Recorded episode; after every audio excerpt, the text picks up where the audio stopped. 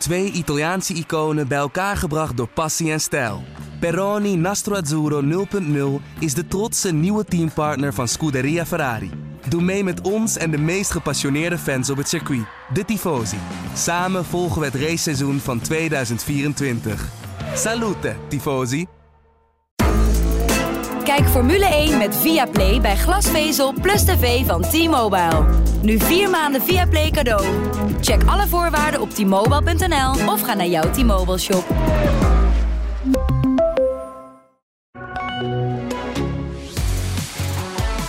Weer een DNF voor Max Verstappen. Ferrari lijkt toch een klasse apart. En de lef van Williams. En dan ook nog Australië dat een klein feestje vierde deze dagen. Dit is Pitstop, de Formule 1 podcast van het AD. We zijn er elke zondag.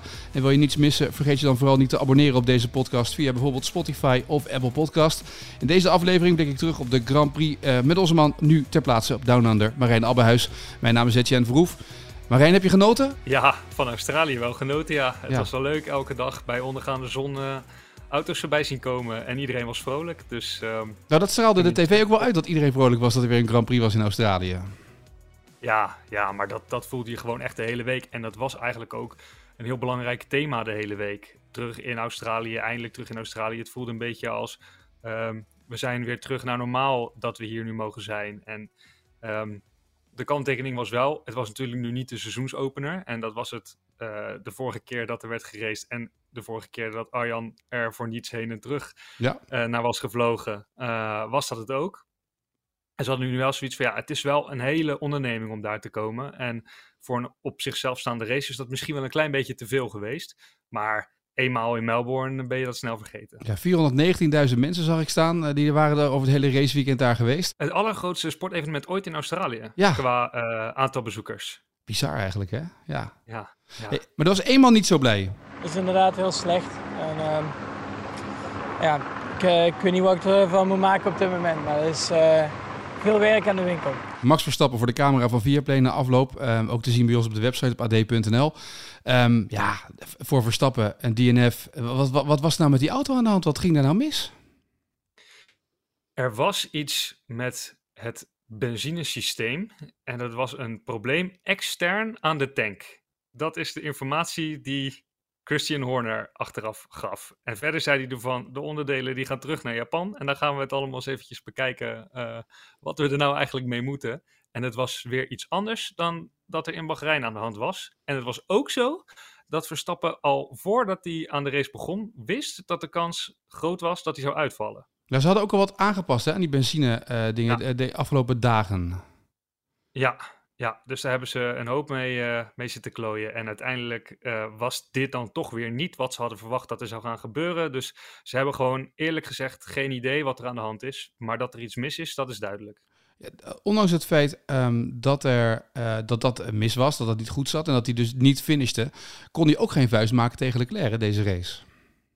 Nee, en dat is eigenlijk best wel verrassend. Tenminste, op het moment zelf was dat best wel verrassend. Want je zag hem toch uh, gedurende de dagen steeds iets dichterbij komen of zo. Ondanks dat hij zelf maar bleef klagen over dat de balans niet goed was en dat hij geen vertrouwen had in zijn auto. Dat zei hij na de kwalificatie, wat natuurlijk best wel een flink statement is. Als je geen vertrouwen hebt in je auto, dan ja, ja. zoals hij zelf letterlijk zei, dan rij je als een idioot rond. Nou ja, um, dat moeten we dan maar voor hem aannemen dat hij zich zo voelt. Maar hij leek wel dichterbij te komen en toen, uh, toen begon die race. En toen reed uh, Leclerc weg. En dat gebeurde elke keer, na elke herstart. Hij maakte echt totaal geen kans om in, om in de buurt te komen. Nee. Dat is uh, vrij pijnlijk wel, hè? Nou, het was een beetje... Het, het, het, Arjan zei afgelopen week in Pitstop in de tv-editie die we maakten... Dat het waar de afgelopen jaren was steeds Mercedes de snelste... en was Red Bull in de achtervolging. Maar kon Red Bull het bijbenen door hè, de manier van rijden, bandenbeheer en dat soort zaken. Uh, als ik dan nu kijk naar de hitte die er was en hoe snel die slijtage op die banden sloeg bij Red Bull, hoe moeilijk ze het eigenlijk hadden om die banden te kunnen controleren en waardoor ze eigenlijk niet voluit konden gaan, Verstappen in dit geval, dan is een beetje hetzelfde probleem wat Mercedes nou steeds weer had als ze op hoogte raceten, uh, bijvoorbeeld in Oostenrijk en als het te warm werd, dat ze niet wisten hoe ze de boel moesten koelen. Ja, dat klopt. Um, alleen aan de andere kant zou je nu als Max Verstappen-fan heel erg hopen dat dat de situatie is. Hè? Dat zij de Mercedes van vorig jaar zijn. Alleen er zijn toch vandaag eigenlijk ook echt wel veel tekenen geweest dat dat ook weer niet zo zit. Want het was wel een, een, een, een circuit met veel rechte stukken. Met nou ja, uiteindelijk wel maar drie DRS-zones in plaats van vier. Maar alsnog wel een grote eh, impact van de DRS. En Charles Leclerc die maakte zich het hele weekend zorgen over hoe Red Bull uh, over dit circuit uh, zou razen. Die had het idee van ja, was het maar gebleven zoals het was, uh, het oude circuit op Albert Park, dan had ik meer kans gemaakt. Maar dus eigenlijk iedereen verwacht het op die manier, zoals jij het schetst, hè, dat het een beetje de Mercedes is van vorig jaar. Maar dat kwam er dit weekend eigenlijk helemaal niet uit. Nee. Maar dus kan je nou zeggen dat de Red Bull de afgelopen weken progressie heeft geboekt of juist niet? Dat vroeg me een beetje af ook, gezien hè, de status nu van die auto. In ieder geval veel te weinig. Als ja. ze al progressie hebben geboekt, hebben ze veel te weinig progressie geboekt. En uh, hebben ze op dit moment niets om, uh, om vanuit te gaan dat dit gat snel gedicht is. Nee, Nee, want Ferrari is eigenlijk, het, het gat is eigenlijk groter geworden. Hè? Na de vorige race had je een beetje, dacht je misschien na Saudi-Arabië, Max wint daar.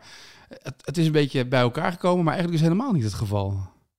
Nee, nee, eigenlijk helemaal niet. En dan had, had dit, uh, deze Grand Prix had dan nog je het gevoel moeten geven dat het wel zo was. Want over twee weken in Italië, daar zitten ze uh, bij Ferrari al, al wekenlang uh, handen wrijvend naar uit te kijken. Want daar gaan ze eens even een flinke slag slaan op, ja. op hun parcours, et cetera. Uh, lastig is ook wel weer in die stand om die uh, wereldtitel, of het nou de constructeurstitel is, of dat het nou uh, om de individuele wereldtitel is. Twee races niet finishen. We hebben vorig jaar gezien hoe lastig dat kan zijn aan het einde van de rit als je die punten tekort komt. Dit zijn gewoon 50 punten. Of nou ja, laten we zeggen, als je tweede wordt, 36 punten die je toch misloopt. Ja, en daarom zegt Verstappen ook eigenlijk al, ik denk er niet meer aan, aan de wereldtitel dat is misschien het meest schokkende van vandaag. Dat hij eigenlijk al heel snel zei. En eigenlijk niet eens op een hele gefrustreerde of hele boze toon. Eigenlijk op een hele gelaten toon. Een beetje half uh, glimlachend, grijnzend om, om zijn eigen situatie. Om zijn eigen uh, pech. Maar ja, het, het zit er eigenlijk al bijna niet meer in. Hij zei letterlijk. We hebben misschien wel 45 races nodig, dit wereldkampioenschap, om nog een kans te kunnen maken. Maar is dat echt zo of is dat nu een beetje je underdog-rol pakken? Um, ik kan me goed voorstellen dat hij dat gevoel nu heeft. Want hij heeft echt heel weinig om zich aan vast te houden. Ja. Uh, tegelijkertijd um, was Christian Horner was wel, wat, uh, wel wat opgewekter in ieder geval. Die, had, die zag wel wat aanknopingspunten. Die zegt, ja, Ferrari is al veel eerder begonnen met het ontwikkelen van deze auto dan wij. En uh, wij zijn de op één na snelste. En vanuit, die, vanuit dat uitgangspunt moeten wij ze proberen in te halen. Dus dat is niet eens een slecht uitgangspunt. Dus die heeft zoiets van, ja, we hebben nu gewoon uh, aanknopingspunten nodig en een richting nodig uh, waar vandaan we en waar naartoe we, we kunnen doorontwikkelen. En dat hebben we altijd goed gekund, et cetera.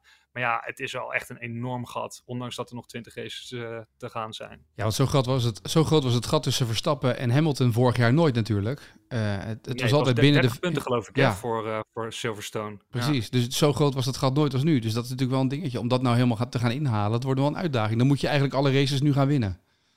Ja, en de komende races gaan ze niet winnen. Nee? Tenminste. Nee, ja, ik zou, dan moet ik wel... zou niet weten. Ja, of er moet iets geks gebeuren aan, aan Ferrari-kant een keer. Kan. Wat we natuurlijk vandaag met Sainz wel hebben gezien. Ja.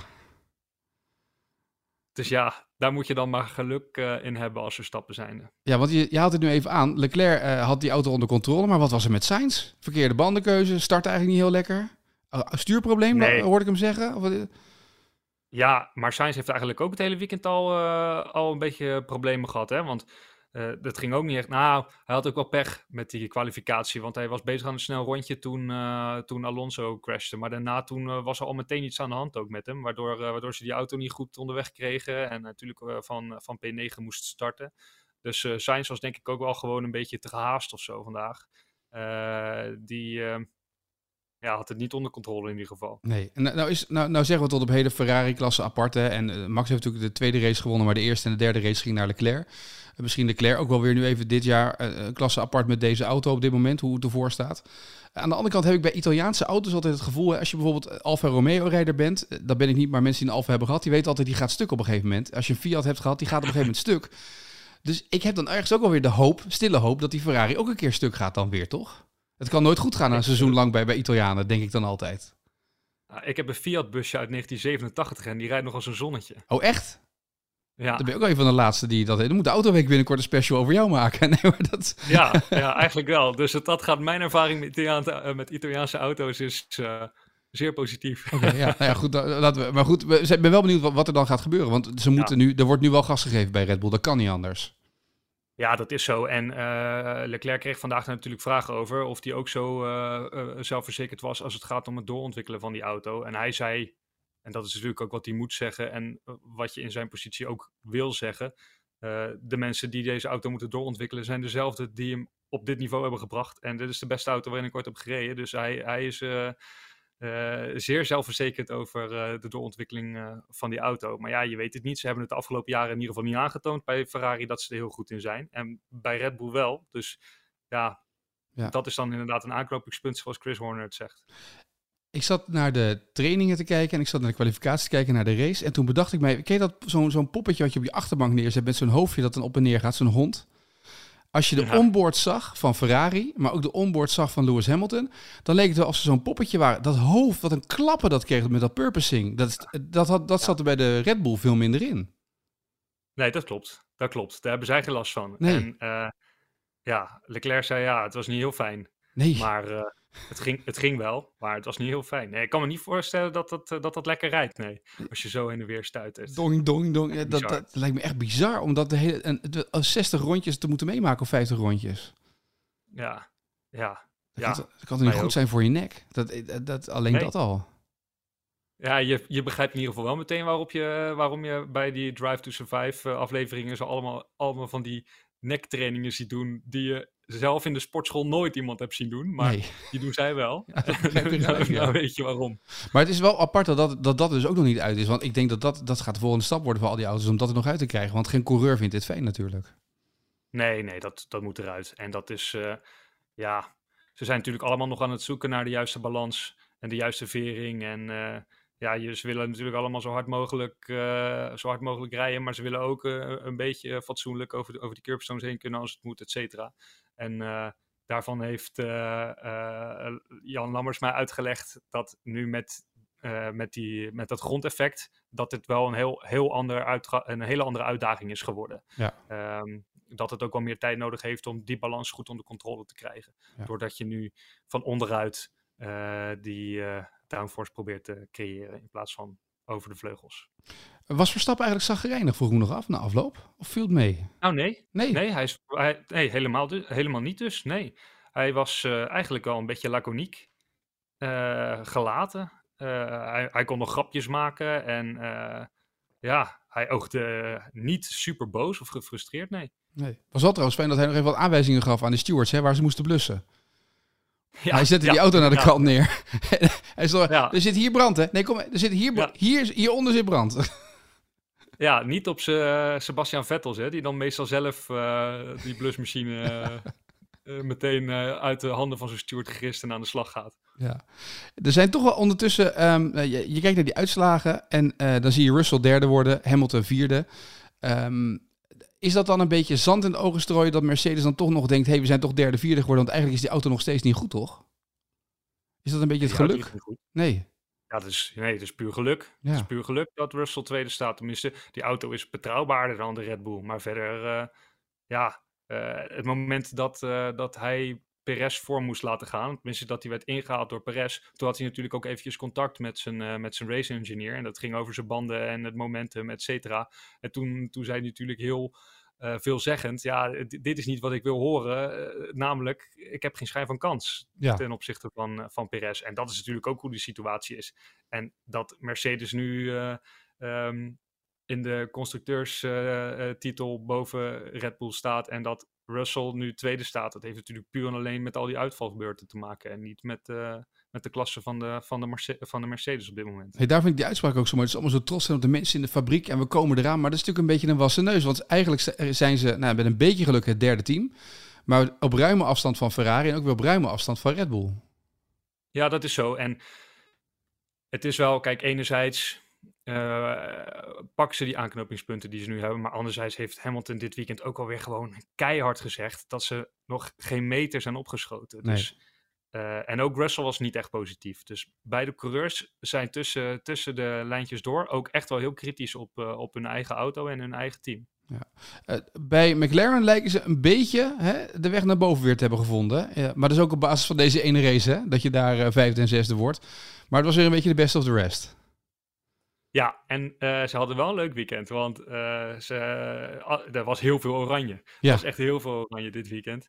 En ja, Ricciardo, die, die heeft natuurlijk een, een prachtig, prachtig weekend beleefd. is hartstochtelijk aangemoedigd door dus 420.000 eh, fans, eh, alles bij elkaar opgeteld.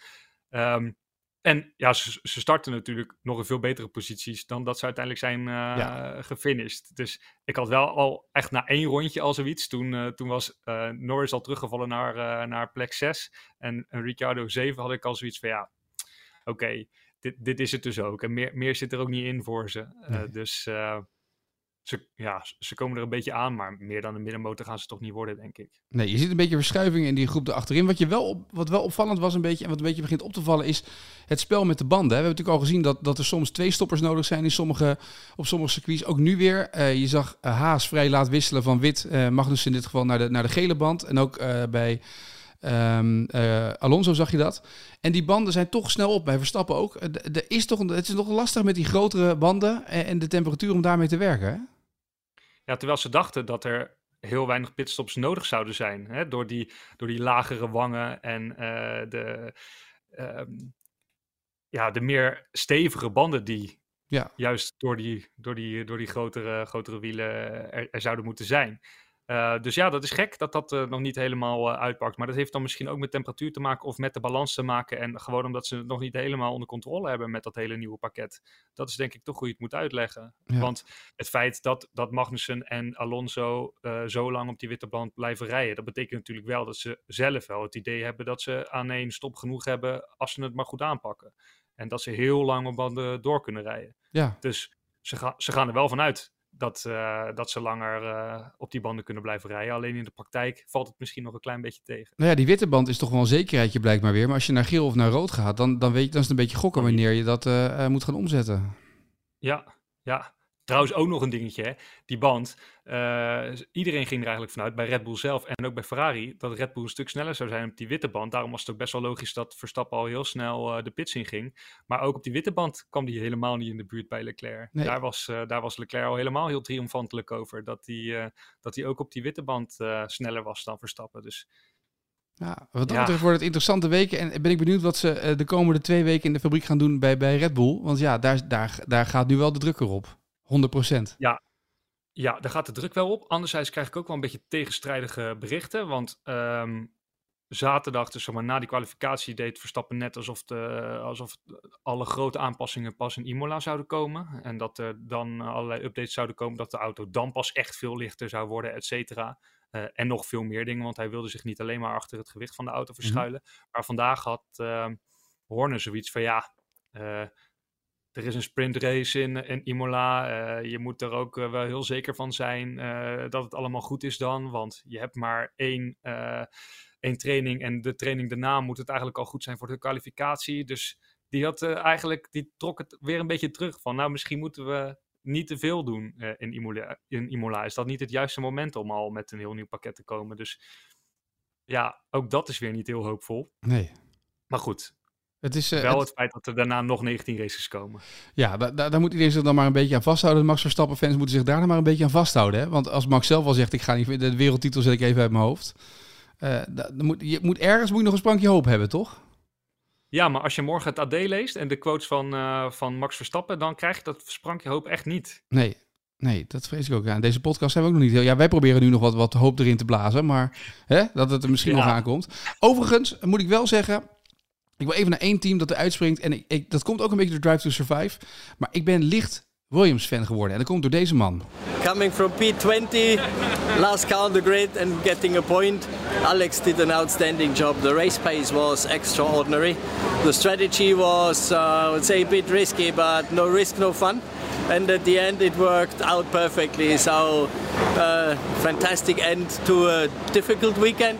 But getting the first point is worthwhile all the efforts and all the pain we went through this weekend. Jos Capito is dit, de, de, de teambaas, de CEO van Williams. Maar die in, in Drive to Survive in die aflevering, en Williams is een klein team en ik snap het allemaal. Maar die komt natuurlijk binnen en die zegt, ja, als we nou blijven doen wat we deden, dan krijg je wat je had. Namelijk altijd, uh, en als we in hetzelfde manier van racen doorgaan als al die andere teams doen, dan winnen we nooit een punt. En ook nu weer bewijzen ze, één ronde voor het einde, Albon met die witte band naar binnen sturen, net op tijd. En dan nog net op tijd voor plek team terugkomen. Ik vind dat goud. Ik hou ervan, van dat soort kleine dingetjes. Ja, tuurlijk is dat goud. Het is schitterend. En uh, ja, je moet ook uit de box denken als je bij zo'n team zit. En iedereen hoopt dat ze dat op een goede manier doen. Want het is natuurlijk mega charmant. Dat, dat, dat hele Williams Racing Team, dat, is natuurlijk, dat geeft zoveel, zoveel cultuur eigenlijk nog aan die sport. Um, het staat natuurlijk zo haaks op alle, alle grote teams, alle grote fabrikanten. Dus uh, ja, superleuk, superleuk. Ja, dat ene puntje en dat wordt gevierd alsof het natuurlijk de overwinning is. Want je zag ook die, die, die pitbox uh, bij Williams toen ze dat puntje binnen hadden. Het is alsof ze de Champions League winnen zo'n beetje. Daar kan je het mee vergelijken. Ja, ja, nou prachtig toch? Ja, maar voor de Spirit, hè, want bedoel, bij hun is de Spirit erin natuurlijk met dat ene puntje. En bij, uh, bij, bij Red Bull is de, de Spirit er even uit, ondanks de tweede plek met Perez. Maar omdat Verstappen uitvalt. Dus ja, dat is dan het verschil gelijk hè? Ja, dat is wel het verschil. En nu je die, die tweede plek van Perez weer aanstipt en nu ik weer aan Horner denk en aan Perez. Uh, de Spirit is er eigenlijk alleen bij Max even uit. Ja. Uh, en, ik, en, en Horner zegt ook wel, ja, hij, hij vecht zich wel terug. He'll bounce back. Um, en die was zelf heel positief over Perez. En die was ook, ja, ook wel hoopvol over het feit dat ze vanuit die tweede plek gaan komen. Dus ja, het is. We moeten misschien ook niet te veel onze oren laten hangen naar de, naar de gebruikelijke, of tenminste de begrijpelijke gemoedstoestand van, uh, van Verstappen. Nee, nee, dat is ook weer waar. Um, uh, wat ik nog wilde, uh, we hebben het over Australië gehad. Ze zijn allemaal teruggekomen. Maar het weekend moeten we nog even over het hebben, hele raceweekend. Want er gebeurde wel een hoop rare dingen. Hè? Ik bedoel, Aston Martin de enige Aston Martin die overeind bleef, dat was, degene, dat was de safety car. Uh, die grap werd al gemaakt ja. op Twitter. Dat was een briljante, vond ik. Maar de, de, nou ja, uh, Vettel maakt zijn auto kapot. Uh, Stroll, die met rare instuuracties komt en zo. Die, die gasten bij Aston Martin, die, die hebben als een speer al die dingen proberen te herstellen en te monteren. Maar wat daar allemaal gebeurde, hè? Ja, joh, dat is heel raar. En kijk, Vettel die... Ja, Vettel heeft natuurlijk een desastreus weekend meegemaakt. Die, ja. die, die, is geen enkele sessie zonder kleerscheuren doorgekomen. Ja, de kwalificatie, omdat hij op het allerlaatste moment nog even mee mocht doen. Ja, en, dat was toch twee, twee, twee hele leuke minuten. Het was een beetje Arjan die naar ja. Australië ging twee jaar geleden. Het waren twee fantastische dagen. Ja. Ja, precies. Ja, dus dat is, uh, dat is de enige dag die uh, Vettel zonder kleerscheuren is doorgekomen. En uh, overigens, wat jij zegt over die, uh, over die safety car, daar was ook nog een hoop commentaar op. Want ze vonden hem allemaal dat hij veel te langzaam reed. Volgens, uh, volgens Verstappen was het, was het een schildpad. En um, ik heb van meerdere kanten gehoord van zet volgende keer maar gewoon weer een Mercedes uh, safety car neer. Want het is, uh, dat gaat er uh, fatsoenlijker aan toe dan met, dan met dit ding. Dus nee, ook zelfs de safety car van, van Aston Martin is er niet zonder kleerscheuren uitgekomen. Nou, het was wel trouwens het weekend van de regelaanpassingen die gedaan werden. Want waren we nog heel enthousiast in Pitstop de TV-editie over vier DRS-zones. Nou, hadden we niet gezegd. Of hoppatee, het waren er ineens drie.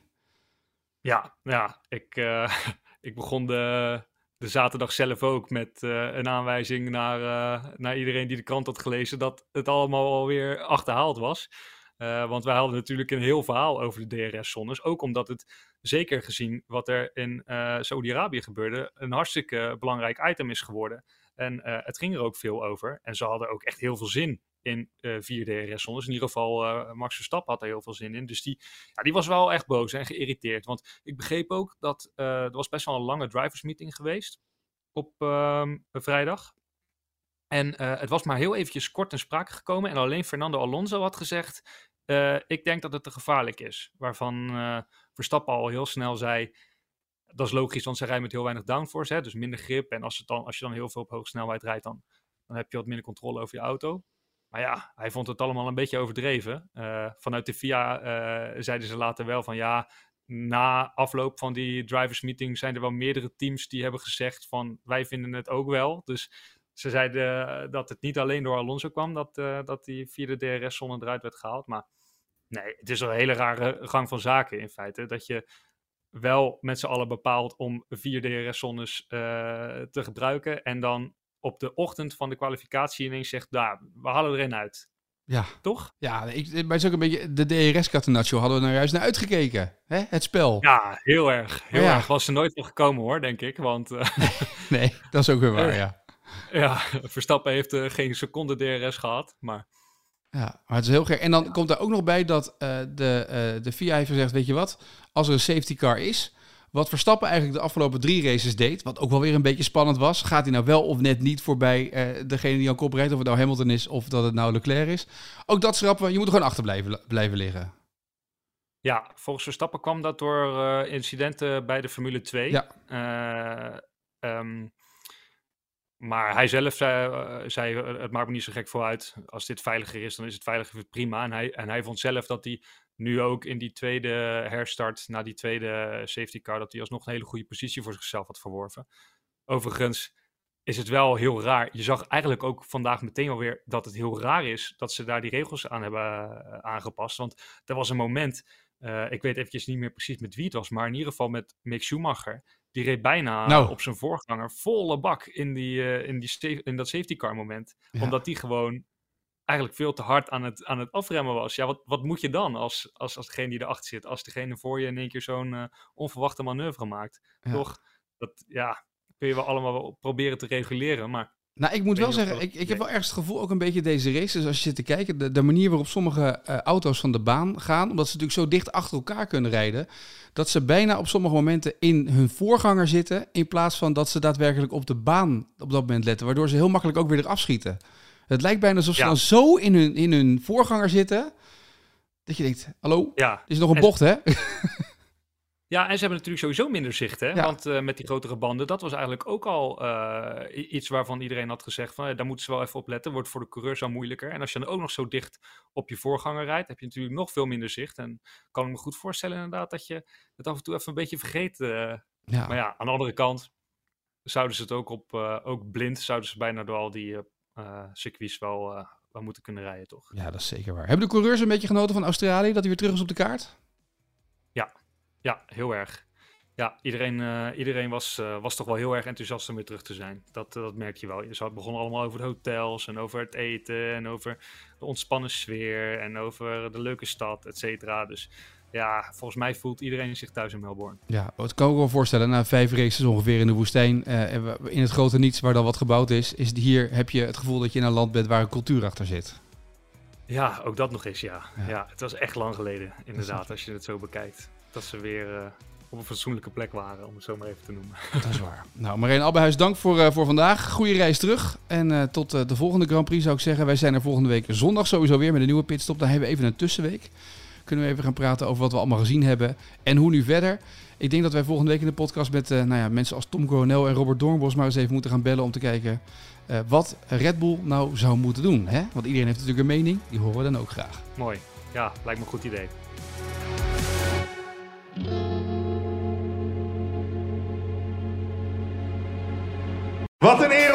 Ik, eh, ik ben heel vaak nerveus geweest. Ik heb mezelf heel vaak opgeblazen. Om het maar zo goed mogelijk te doen. Vanuit toch heel veel onzekerheid. Nou, als ik dat nu terugzie, dan eh, kan ik niet naar kijken. dat stuurt elkaar dan op eh, naar, naar, naar een heel bijzonder moment. En, en, Huilen. en tot op de dag van vandaag krijg ik er kippenvel van.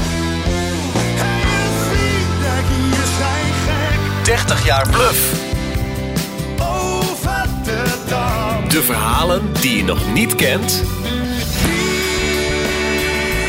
Aan de hand van 10 songs.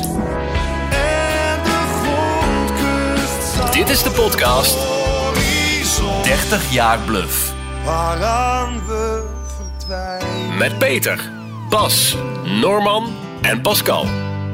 Nu in elke podcast-app. Twee Italiaanse iconen bij elkaar gebracht door passie en stijl. Peroni Nastro Azzurro 0.0 is de trotse nieuwe teampartner van Scuderia Ferrari. Doe mee met ons en de meest gepassioneerde fans op het circuit, de Tifosi. Samen volgen we het raceseizoen van 2024. Salute, Tifosi!